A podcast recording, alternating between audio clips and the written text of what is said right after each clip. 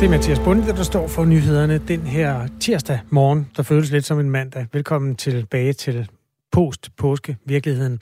Om fem dage skal franskmændene øh, stemme og finde landets næste præsident. Det står klart, at halvdelen, faktisk mere end halvdelen, hverken ønsker mere Macron eller ønsker Marine Le Pen. Hvilken betydning det får for valget, prøver vi at belyse om cirka et kvarter her i Radio 4 morgen.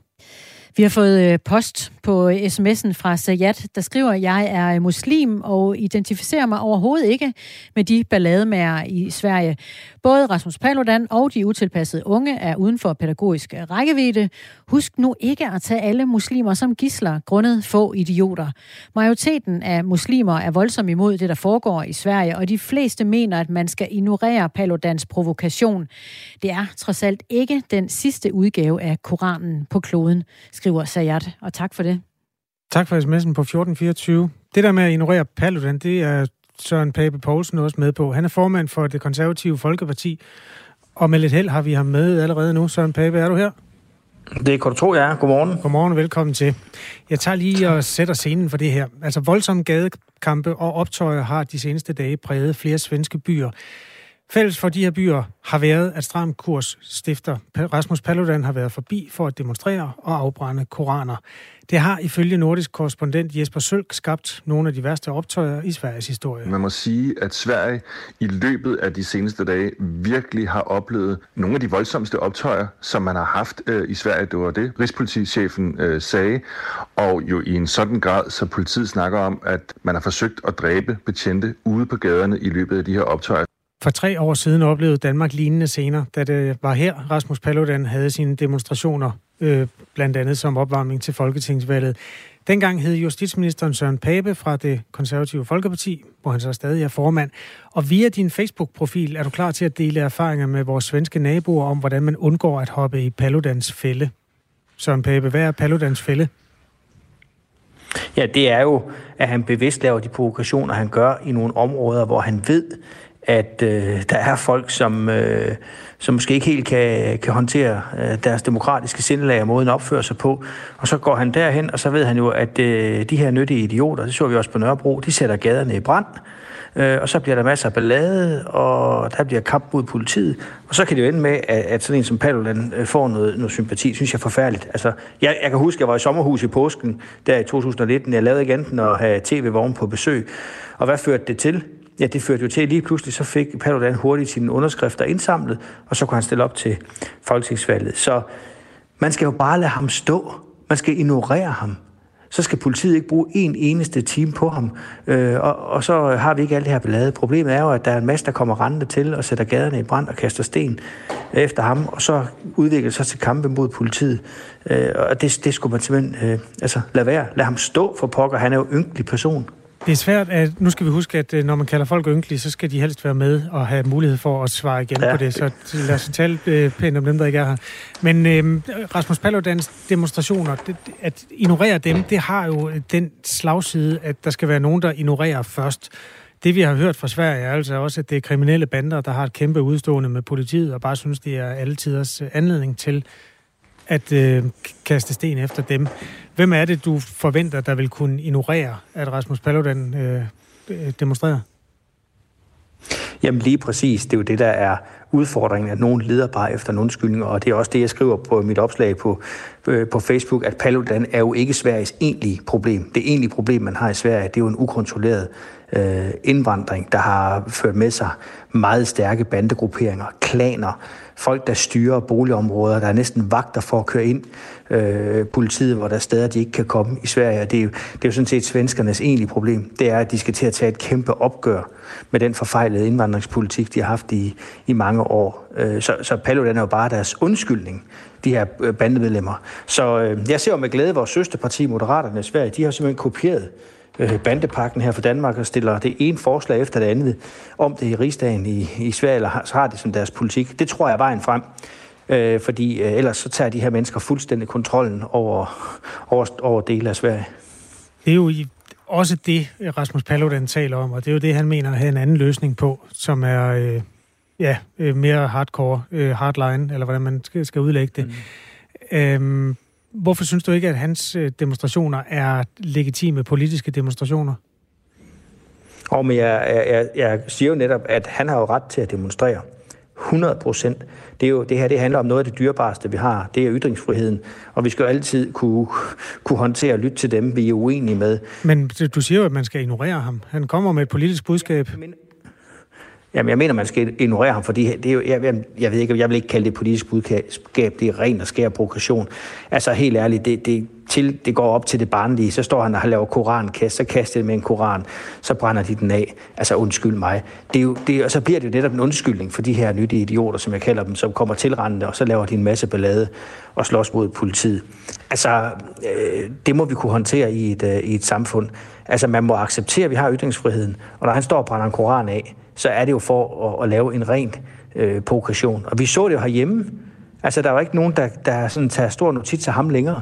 Og det er jo det, jeg håber, svenskerne kunne lære af, så man ikke fik den der undskyldning for at sætte gaderne i brand. Og det er det, vi skal huske. Det her, det er en undskyldning for at sætte gaderne øh, fuldstændig i brand i, i det svenske samfund. Simpelthen fordi, at, at der er nogle boligområder der, hvor man bare siger, der, der er svært næsten uh, tabt. Politiet må næsten give for tabt op. Det er jo, det er jo mm. uhyggeligt at se på, og jeg frygter jo meget, om der kommer en dag, hvor alle de her mennesker lige så stille i større grad bevæger sig over øh, Øresundsbroen, når de får det svenske pas, og så kan de jo så lave ballade her med deres øh, bandevenner i Danmark. Men så har vi jo heldigvis en stram lovgivning, der gør, at de kommer lang tid i fængsel, så det er jo en trøst. Det svenske politi er blevet angrebet med både politi- med brosten, fyrværkeri, molotov-cocktails og øh, over 200 deltagere har ifølge svensk politi været voldelige i de optøjer, der er sket øh, den seneste lille uge. 26 politibetjente og 14 civile er kommet til skade de seneste dage i Sverige, oplyser svensk politi til Ritzau. Rigspolitichefen hedder Anders Trondberg. Han fortæller på et pressemøde, at politiet mistænker, at deltagerne har tilknytning til kriminelle grupperinger, og han mener derudover, at de har fokuseret på at skade politiet. Og det, i den anledning, den kontekst, vi taler med Søren Pape, altså formand for Konservative Folkeparti, som mener, man bare skal ignorere, og at han anbefaler sine svenske kolleger at ignorere demonstrationerne fra Rasmus Paludan. Det var faktisk først efter, at der havde været folketingsvalg i sommeren 19, hvor stram kurs ikke kom ind, at der faldt ro over Rasmus Paludan og hans demonstrationer. Synes du egentlig, vi var gode til at ignorere ham her i Danmark? Nej, det synes jeg ikke, vi var gode til. Og det er jo tit det, der sker, at uh, der kommer nogen tilløbende, Øh, og så, øh, så, så giver de, de, synes jeg, de forkerte sympatien. Ikke? Altså, øh, vi, øh, vi så jo, øh, altså Paludan er jo, er jo klog nok. Han stiller sig op på Nørrebro. Han ved, der er nogle folk, der har en anden de, øh, demokratiopfattelse end, end, end, end flertallet herhjemme, som bare vil komme rendende og sige, at han skal ikke brænde Koranen af, og så skal der kastes med sten og sættes skaderne i brand. Øh, det har vi jo meget svært ved at kontrollere. Vi har altså bare en anden lovgivning. Vi sat, øh, vi satte hårdt med hårdt. Øh, han kom ikke i Folketinget. Det valgte danskerne trods alt. Øh, han holder sig jo heller ikke tilbage for at, at svine politiet til. Det kan da også være noget af det, der har gjort folk lige trække en streg i, øh, i sandet. Jeg synes ikke, vi har været, været gode nok, men jeg siger lige så stille, at øh, når jeg siger ignorere Paludan, så er det jo, at det vil jo være den bedste måde at undgå, at man skulle bruge alle de øh, ressourcer. Han kan sige, hvad han vil, men, men øh, problemet er jo, at der bor så mange mennesker i Sverige, som øh, efterhånden har taget kontrol med visse boligområder, som er dybt kriminelle bandemedlemmer, ja. som ikke respekterer demokratiet, og det er jo der vores problem, altså det er også der svenskernes problem er. Øh, Paludan er jo ikke deres rigtige problem. Deres rigtige problem er en ukontrolleret indvandring, der har smadret deres land. Men det kan jo ikke lade sig gøre, Søren Pape. Er det ikke der, vi er? Altså, du siger, at de skal ignorere ham. Vi kunne ikke finde ud af det. Det, de sidste dage har jeg vist i Sverige, at det kan ikke lade sig gøre at ignorere Rasmus Paludan. Han har en, en opskrift, som, som, som får demonstrationer til at blive store Ja, altså, men, men den opskrift, han har, det, den, den virker jo kun, fordi der bor mange i blandt os, som ikke respekterer øh, demokratiet, øh, og som åbenbart øh, mener, at det er okay at slås med politiet og kaste sten efter dem og sætte gaderne i brand. Det er jo vores reelle problem. Tak fordi du var med, Søren Pape Poulsen. Velkommen. Partiformand hos Konservative Folkeparti, altså med, øh, ja, som deler gode råd ud til Moderaterne, som er det konservative søsterparti i Sverige blandt andet. Uh, Erik påpeger, at Rasmus Paludans parti fik 68.000 stemmer. Det er rigtigt. 1,8 tror jeg, de sluttede på. Uh, stram kurs. Og um, Mik mener, at med Søren Papes indstilling, så skal der heller ikke gå lidt på klædte piger gennem fælledparken. Fordi så er de selv skyld i det, hvis de bliver indtastet. Og Erik øh, minder om, at øh, faktisk så var der jo flere steder, hvor der var uroligheder, at øh, Rasmus Paludan slet ikke har øh, været forbi, og heller ikke varslet at skulle komme forbi. Altså i Sverige? I Sverige. SMS til 1424, klokken er kvart over 8. Du lytter til Radio 4 morgen. Overskud på Radio 4 hjælper dig med at få styr på økonomien og komme i gang med at investere. I dag der skal vi tale om noget, som jeg ikke fatter en skid om. Det er øh, kryptokunst. Vi kommer omkring alt fra aktier, arv, bitcoins, pension og ja, til kryptokunst. Ret hurtigt så blev jeg grebet af at følge med. Find Overskud som podcast og lyt med tirsdag kl. 13 her på Radio 4.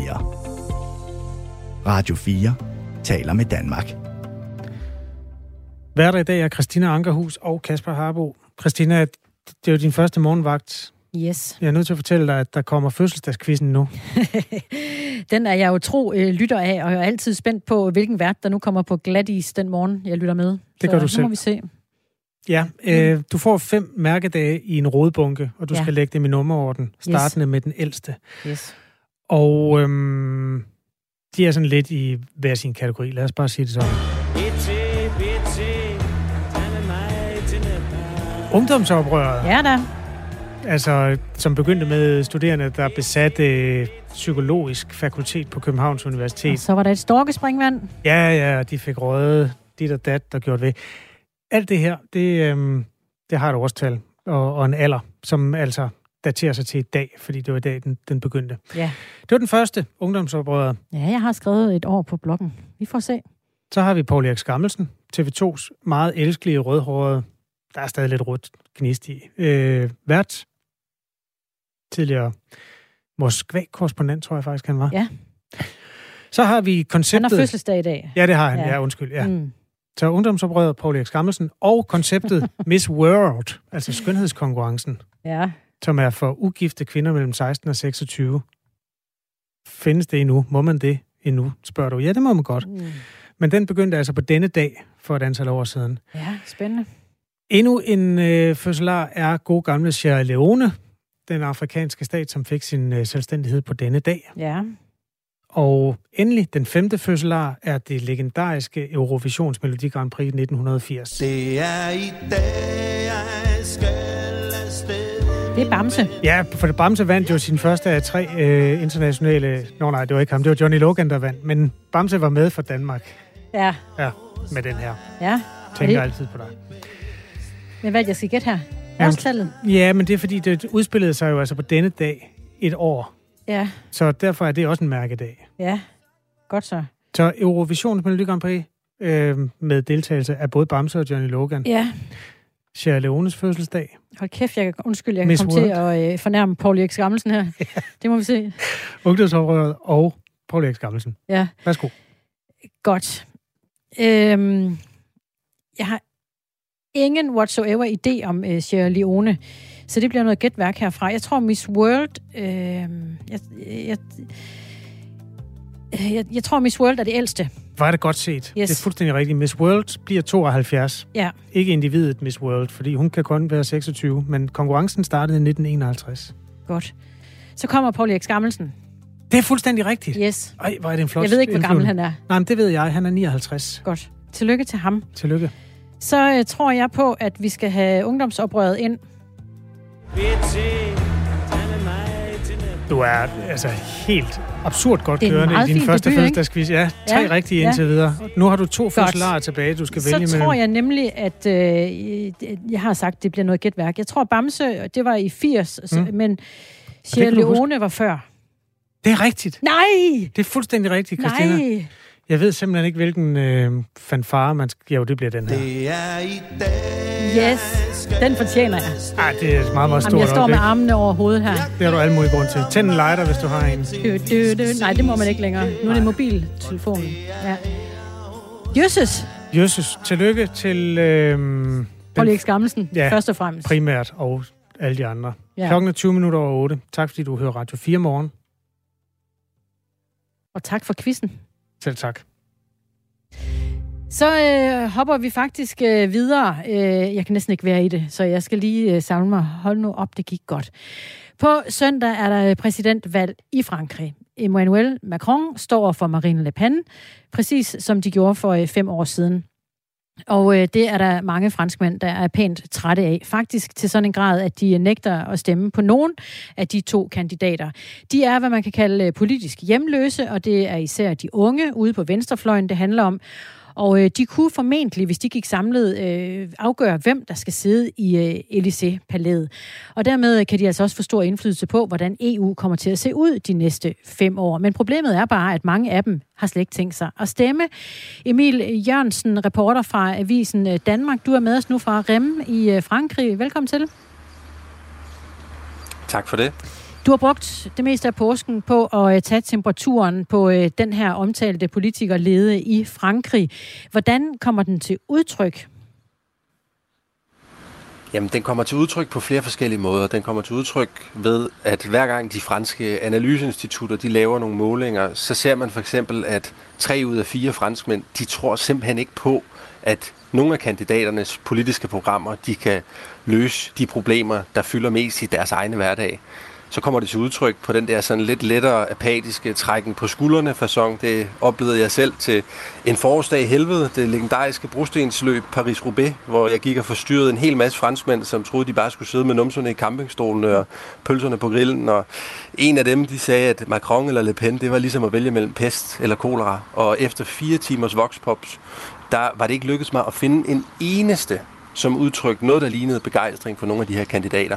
Og så kommer det til udtryk på den lidt mere direkte og voldsomme façon øh, i form af fuckfinger, smedesange og kampe i hjertet af kærlighedens by. Lørdag var jeg til protestmarsch i Paris sammen med 10.000 vis af franskmænd, studerende, pensionister, hippier og punkere. Alle venstrefløjens fortabte. Øh, de, som føler, at de har et valg mellem højrefløjen i Macron eller det ekstreme højre i Le Pen. Og indtil politiet begyndte at kaste med tårgas og køle folk i asfalten, der var budskabet her hverken den ene eller den anden. Mm. Og lad os da bare prøve at høre en gang øh, nogle af dem, du har øh, talt med. Du har mødt en øh, Aisha på øh, 32 år.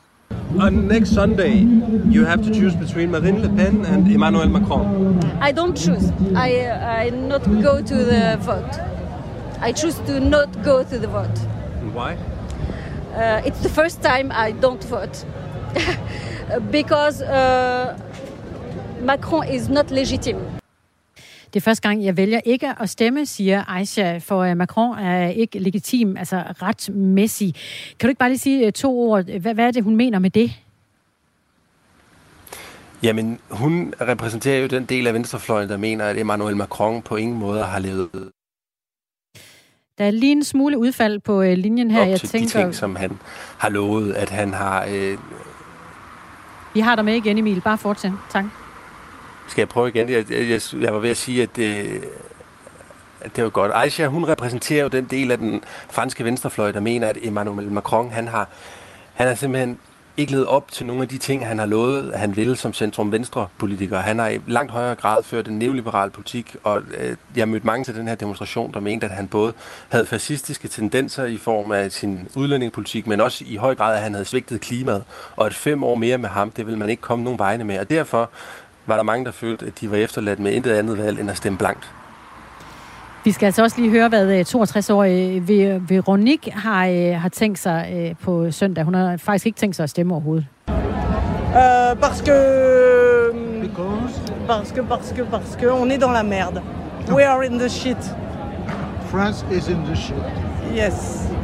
Uh, je suis... Uh, un peu désespérée.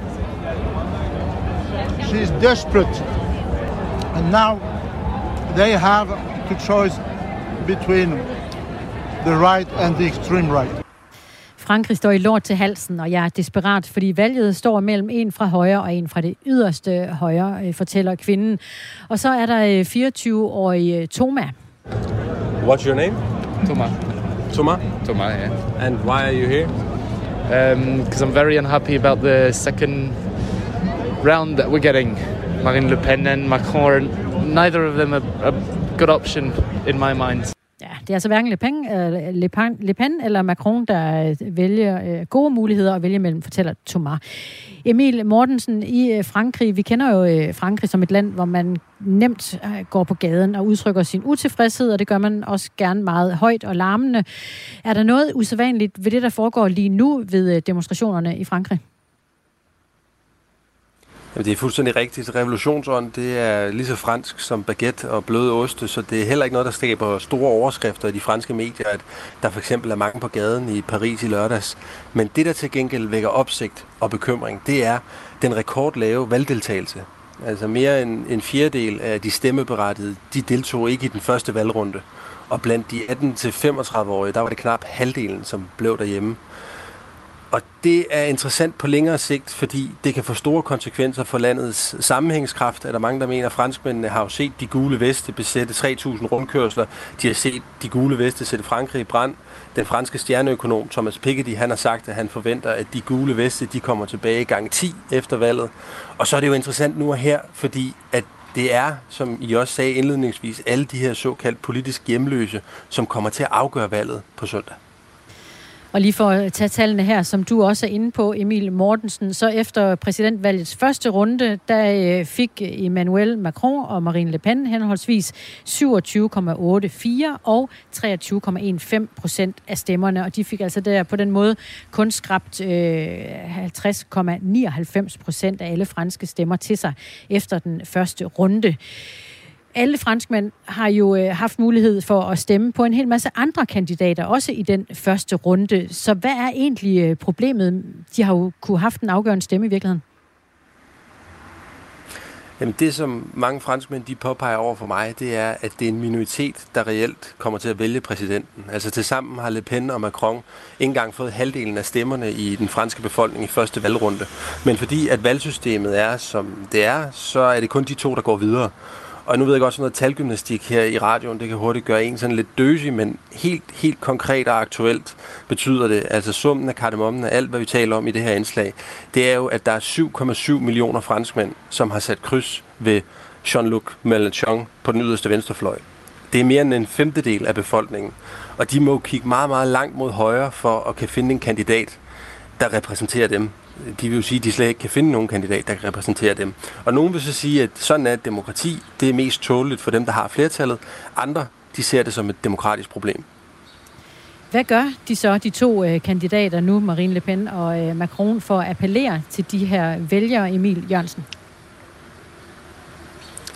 Jamen, Marine Le Pens charmeoffensiv, den startede i virkeligheden for fem år siden, så snart hun tabte valget i 2017.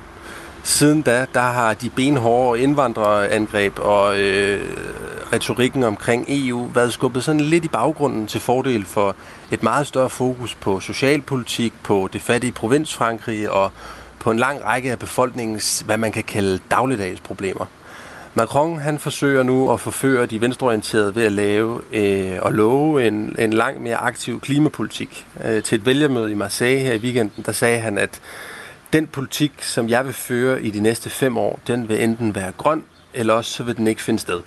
Problemet er bare, at der er mange, som ikke rigtig tror på ham, fordi lige netop på klimapunktet, der har han virkelig, virkelig skuffet mange på den her venstrefløj i sin første valgperiode. Emmanuel Macron, han øh, var jo intet mindre end en øh, politisk rockstjerne for, øh, for bare fem år siden, hvor han også gik til valg på, at, øh, at hans ambition var ikke at samle højre og venstre, men samle alle franskmændene. Hvorfor er hans popularitet dalet siden da på den måde, som den er? Det er der mange grunde til, men først og fremmest så tror jeg, at, han er, at det skyldes, at han er blevet en dødelig politiker. Altså den 39-årige sensation, som gik til valg på at ville revolutionere Frankrig, og lod sig, lod sig krone som præsident, var jeg lige ved at sige, til tonerne af Beethoven foran øh, Louvre-museet. Han er blevet 44 år, han har fået grå stænk i bakkenbarterne, og for mange franskmænd, der lugter han mere af elite og magt. Han bliver kaldt de riges præsident, end han lugter af nybrud. Han lovede centrum-venstre-politik, men mange franskmænd, de føler, at det, det i højere grad har været neoliberalt. Det har været skatteledelse til de rigeste, og det har været klima, der er blevet forsømt. Og så går det bare igen, når man taler med franskmændene på gaden, at der er ufattelig mange, som føler, at han er provokerende arrogant. Og det er et stort problem for ham. Og det er altså på søndag den 24. april, at franskmændene skal afgøre valget i øh, Frankrig, og Emil Jørgensen var med os. Han er journalist ved Avisen Danmark. Du lytter til Radio 4. Klokken er halv ni. Nu er der nyheder med Mathias Bunde.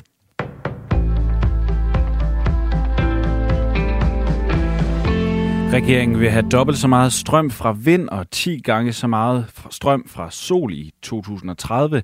Det fremgår af reformudspillet Danmark kan mere 2, som handler om, hvordan Danmark hurtigere kan blive uafhængig af russisk gas og dermed også sætte skub i den grønne omstilling.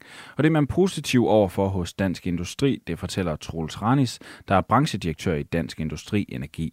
Vi har brug for at bygge meget mere vedvarende energi for at frigøre os fra energiafhængigheden af, af russisk gas, som sagt. Og i dag der har vi på land ca. 4.500 megawatt øh, kapacitet til at producere grøn, øh, grøn el øh, på der, og der skal vi have meget mere produktion øh, i, i spil.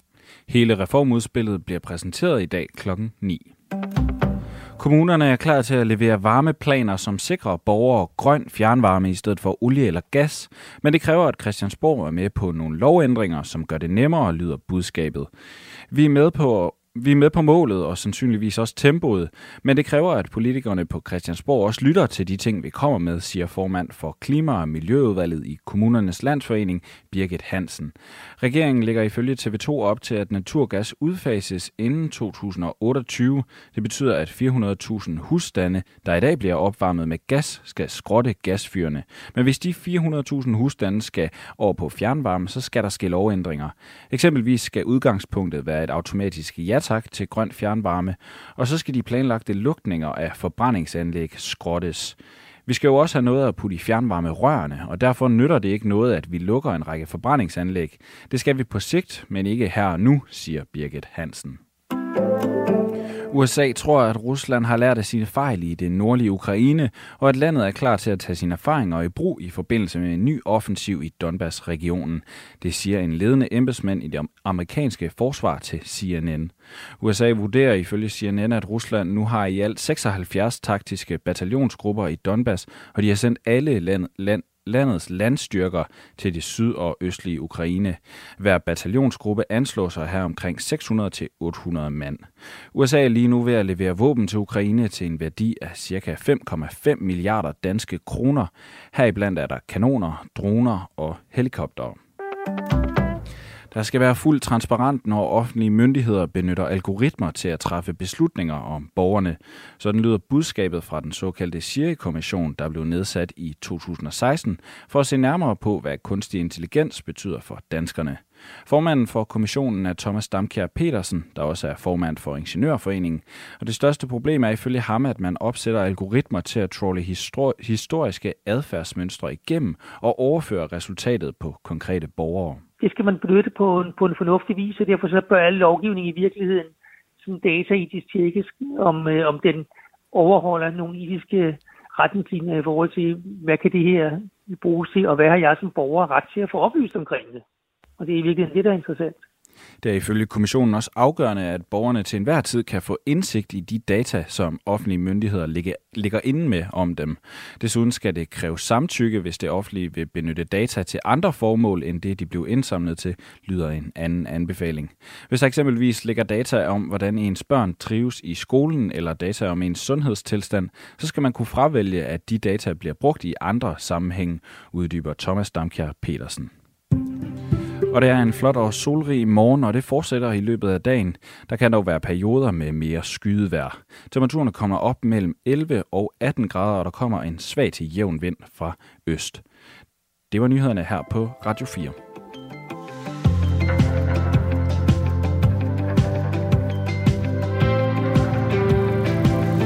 Danmark er trukket i gang igen efter en påske, hvor man måske har brugt tankerne på nogle andre og lidt mere livsbekræftende ting end den krig, der fylder mange steder i nyhedsbilledet.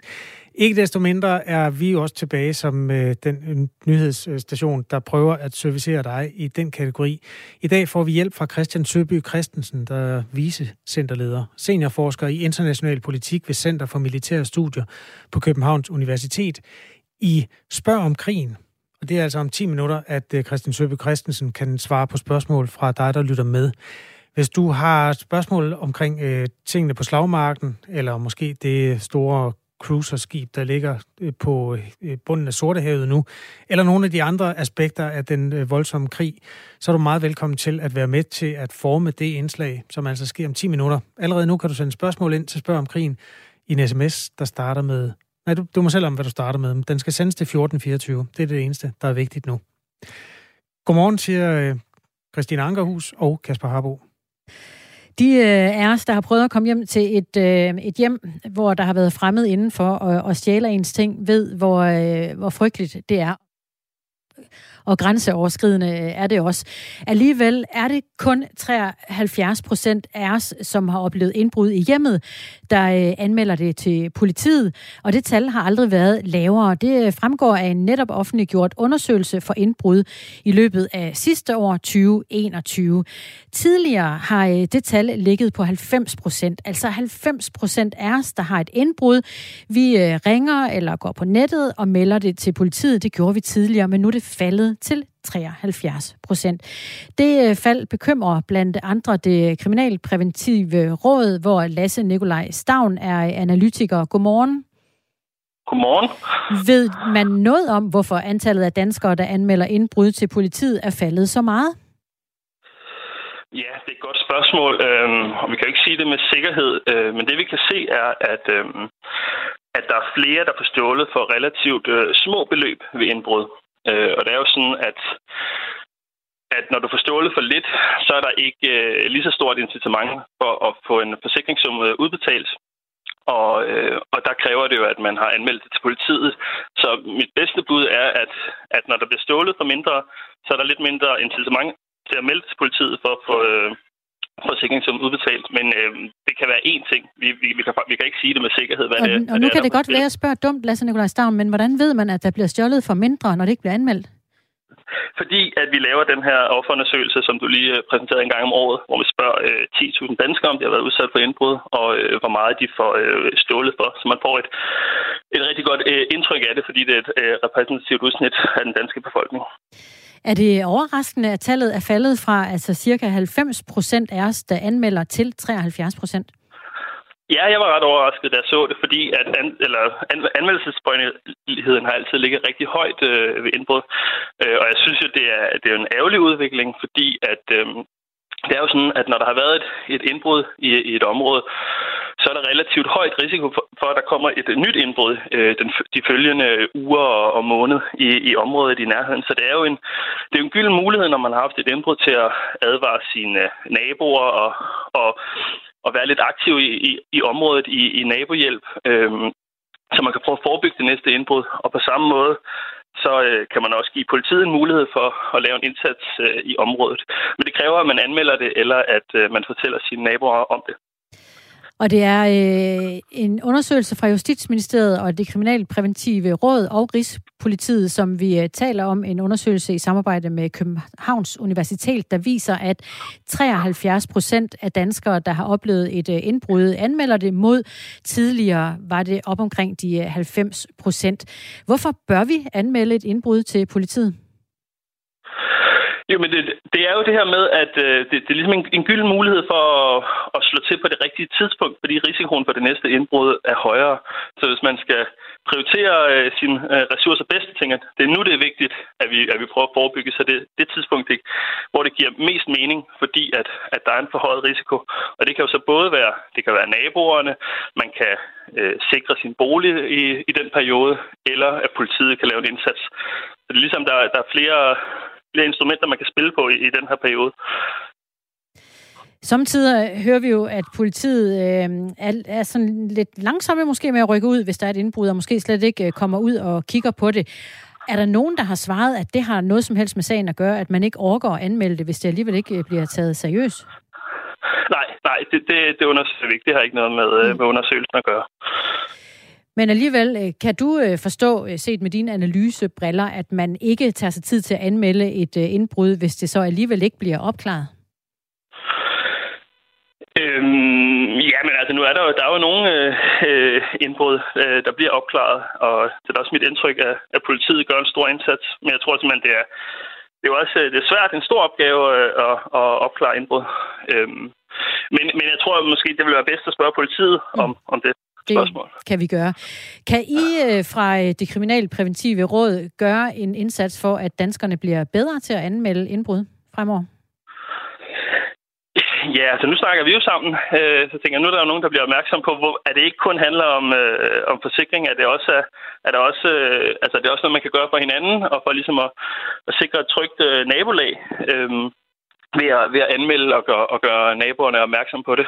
Øh, så ja. Få talt om det og, minde hinanden om det måske. Lasse ja. Nikolaj Stavn, analytiker hos det kriminalpræventive råd. Godmorgen. Klokken er 20 minutter i ni. Det her er Radio 4 morgen. Ukrainske flygtninge begynder i stigende grad at modtage kontanter fra de kommuner, hvor de nu er landet rundt omkring i Danmark. Og de får jo altså i virkeligheden pengene i stedet for de private danske værtsfamilier. Siden en særlov blev vedtaget i marts, har kommunerne kunne tilbyde kompensation, der skal sikre, at ukrainerne har et sted at bo og få mad. Københavns Kommune giver ikke økonomisk støtte til ukrainerne selv, men i aften skal politikerne i Københavns Kommune behandle et forslag fra radikale om netop at give nogle kontanter til de ukrainske flygtninge, i stedet for de familier, der lægger hus til. Helt præcis 200 kroner per voksen per dag og 100 kroner per barn per dag. Emil Moselund, der er Radikal Venstres øh, politiske ordfører i Københavns borgerrepræsentation, mener, at det giver god mening. Pengene skal følge ukrainerne. Ikke nødvendigvis bare gå til kommunens kasse. Og øh, jeg synes jo, at det er helt naturligt at tænke, at øh, ukrainske forældre ved som udgangspunkt, hvad deres børn har mest brug for. Og hvis de kræver, at ukrainske forældre, mødre i det her tilfælde, mange af dem, får nogle penge i hånden reddet, jamen så, øh, så er jeg villig til at bidrage til det, ligesom man ser andre kommuner gøre det. Aalborg Kommune gør det, Aarhus Kommune gør det, og vi som den rigeste kommune i hele landet, jeg kan simpelthen ikke se, hvorfor vi skulle være særskilt anderledes og have en interesse i at øh, holde dem på en institutionel plan, og sikre, at, at det er os, der bestemmer, hvad deres dagligdag skal byde sig i de her tre uger. Naturligvis bliver det mere og mere, når flere der kommer til, øh, at de, vi skal bestemme, hvordan deres dagligdag skal se ud i den periode. Det er derfor Emil Moselund og Radikale Venstre i Københavns Borgerrepræsentation, der jo er øh, altså en del af den venstre og regerende side i byrådssalen der, at give støtte direkte til dem vil hjælpe dem bedre på vej til et normalt liv, mener han. Ukraine de ønsker tryghed. Ukrainske ønsker en så normal hverdag i en meget unormal situation. Og, øh, og mit indtryk er, når jeg snakker med øh, forkvinden, for eksempel fra Dansk, Dansk øh, Ukrainsk Forening, jamen så er indtrykket, at de er lige nu i et, limbo. Altså de ved simpelthen ikke, hvad København har at byde på. Så derfor har de brug for assistance og hjælp, men de har også brug for at få den her følelse af, at de kan leve et normalt liv. Og det handler om, at kommunen ikke skal bestemme for meget over øh, flygtningenes hverdag. Det mener de radikale venstre i Københavns borgerrepræsentation, fortæller Emil Moselund. Fordi hvis, hvis de har mulighed for at få en tilværelse, hvor de kan vælge at købe et legetøj til deres barn, eller gå i Tivoli, eller gå ud og få noget at spise, det skaber den her forhold af normalitet, som er meget, meget, meget, meget værdifuldt i en meget unormal situation, hvor de er på flugt og, og, og muligvis har nogle traumer. Det betyder ikke, at kommunen skal frelægge sig noget ansvar overhovedet. Vi skal være til stede for alle dem, der har brug for hjælp. Men dem, som gerne vil kunne klare sig nogenlunde selv, de skal have lov til at tage det valg. Og lige nu så giver vi dem ikke det valg. Vi sørger ikke for, ligesom andre kommuner giver dem det valg, at de kan tilvælge en hverdag, hvor de har kontrol over deres egen hverdag. Men vi institutionaliserer dem alle sammen i en eller anden opfattelse af, at vi hjælper dem over en bred kamp ved at putte dem samme sted hen i en ukrainsk landsby. Det synes jeg ikke er okay. Men det kommer til at koste, og det kommer også til at koste Københavns Kommune flere penge, end hvis pengene gik øh, direkte til øh, værtsfamilierne. Så det bliver en dyr omgang, siger Emil Moselund. Jamen, det vil koste mange penge, og det vil koste mange penge. Vi har fået af regeringen 500 kroner per ukrainske borger, der kommer til vores land, øh, til at administrere og hjælpe dem for. Ud af de 500 kroner, der forestiller jeg mig, at 100 kroner kan gå til barnet, og 200 kroner kan gå til den voksne selv. Det er ikke engang halvdelen, det er ikke engang for, i nogle tilfælde her en fjerdedel af de penge, som vi har til rådighed per ukrainer fra statens side af. Og det skal vi nok klare. Prøv at høre, vi er landets rigeste kommune. Hvis Aalborg kan gøre det, hvis Aarhus kan gøre hvis Slagelse, Lejre og Randers Kommune kan gøre præcis det her, hvordan i verden kunne man forestille sig, at Københavns Kommune, som er den rigeste kommune, ikke kan gøre det her. Men det er alle ikke enige i i øh, Københavns øh, Kommune. Københavns integrations- og beskæftigelsesborgmester Jens Christian Lytten fra Venstre er frem imod aftens øh, forslag og diskussion ikke enig med Radikal Venstre til TV2 Løje, siger han nemlig, at tiltaget ikke er nødvendigt, og derfor vil Venstre stemme nej til forslaget, når det fremsættes. Klokken er kvart i ni. Det er Radio 4 morgen med øhm, Christina Ankerhus og Kasper Harbo. Husk, du kan skrive ind til Spørg om krigen. Hvis du har en telefon, så skriver du en sms til 1424. I dag får vi hjælp af Christian Søby Christensen, der er vicecenterleder og seniorforsker i international politik ved Center for Militære Studier på Københavns Universitet. Godmorgen. Godmorgen. Vi plejer at starte med en aktuel indflyvning på det her. Det vi ved er, at der har været talt meget om, at nu kommer det store slag over øst på, og russerne har så samtidig trukket sig væk fra stort set alt andet. Men det er altså efter en, et, øh, en dag i går, hvor der også var missilnedslag øh, alle mulige steder, så langt øh, mod vest som Lviv, der ligger tæt på Polen. Hvad er det for en fase, krigen er i nu?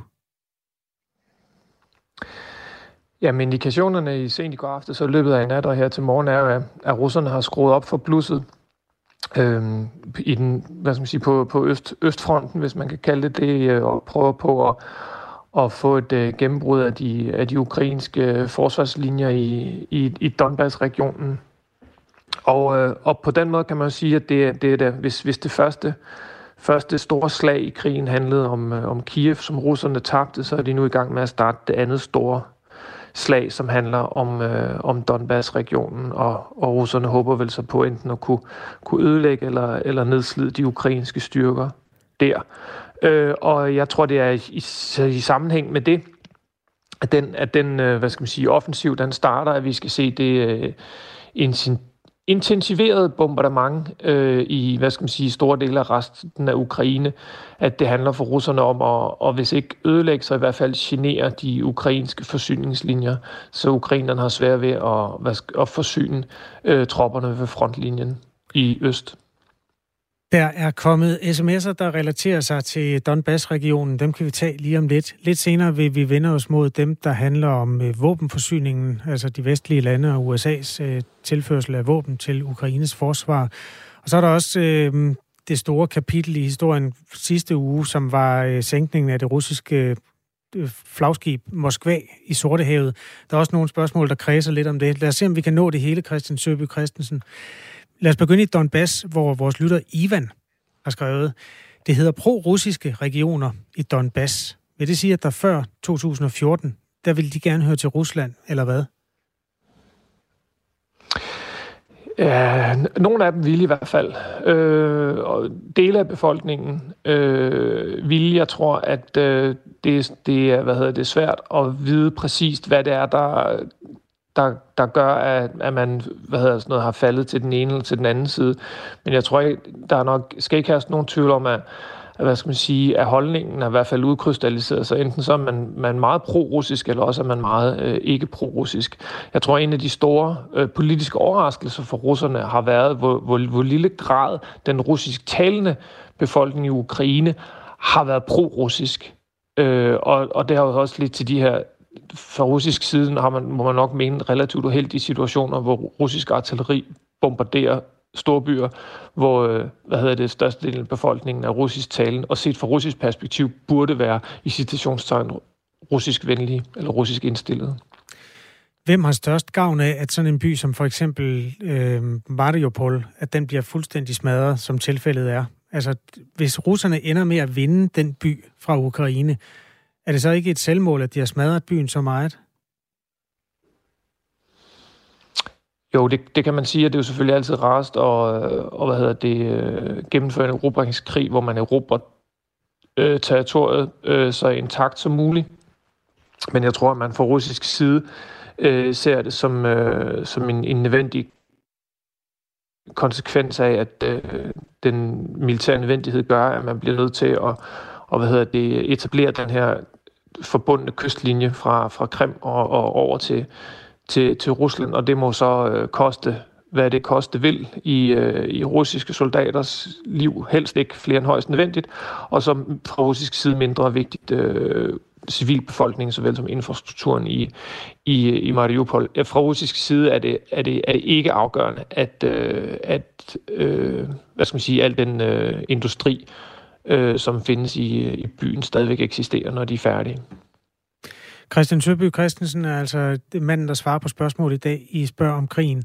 Et af dem kommer fra Helle, og nu er vi over i et nyt emne, nemlig det, der hedder Vesten og USA og NATO's tilførsel af våben til øh, Ukraine, altså støtte med isenkram. Helle, hun skriver, Putin truer Vesten, men forhåbentlig vil Ukraine fortsat få alle de våben, de har brug for i kampen mod den grusomme brune bjørns utilgivelige krigsforbryderangreb. Rusland har med krigen bevist, at den ved forhandling er udelukket. Kun fortsat kamp imod aggressoren i øst, der ikke får lov at undertvinge sit for folk eller hele den frie demokratiske verden. Vil Vesten, skråstrej NATO, lade sig skræmme af Putin, spørger Helle.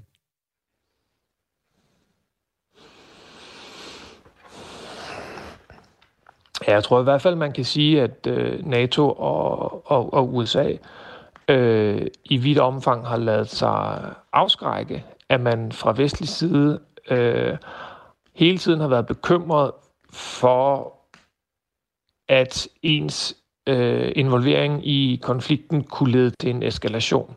Altså at, at, at Rusland ville svare igen øh, på en måde, som ville føre til, at krigshandlingerne ville brede sig ud over Ukraines grænser. Og, og, og lige så vel som, som Rusland er, øh, ikke er interesseret i en, i en bredere konflikt med, med flere europæiske lande, eller for, for, for den sags skyld NATO som helhed, så er NATO heller ikke interesseret i en, i en konflikt med Rusland. Og det er selvfølgelig, fordi begge parter er klar over, at det kan have nogle fuldstændig uoverstigelige konsekvenser, fordi en sådan konflikt risikerer at eskalere op til øh, og kunne risikere øh, at, blive, øh, at blive atomar, altså med brug af atomvåben. Øhm, og det er begge parter selvfølgelig også klar over, at den anden part er klar over.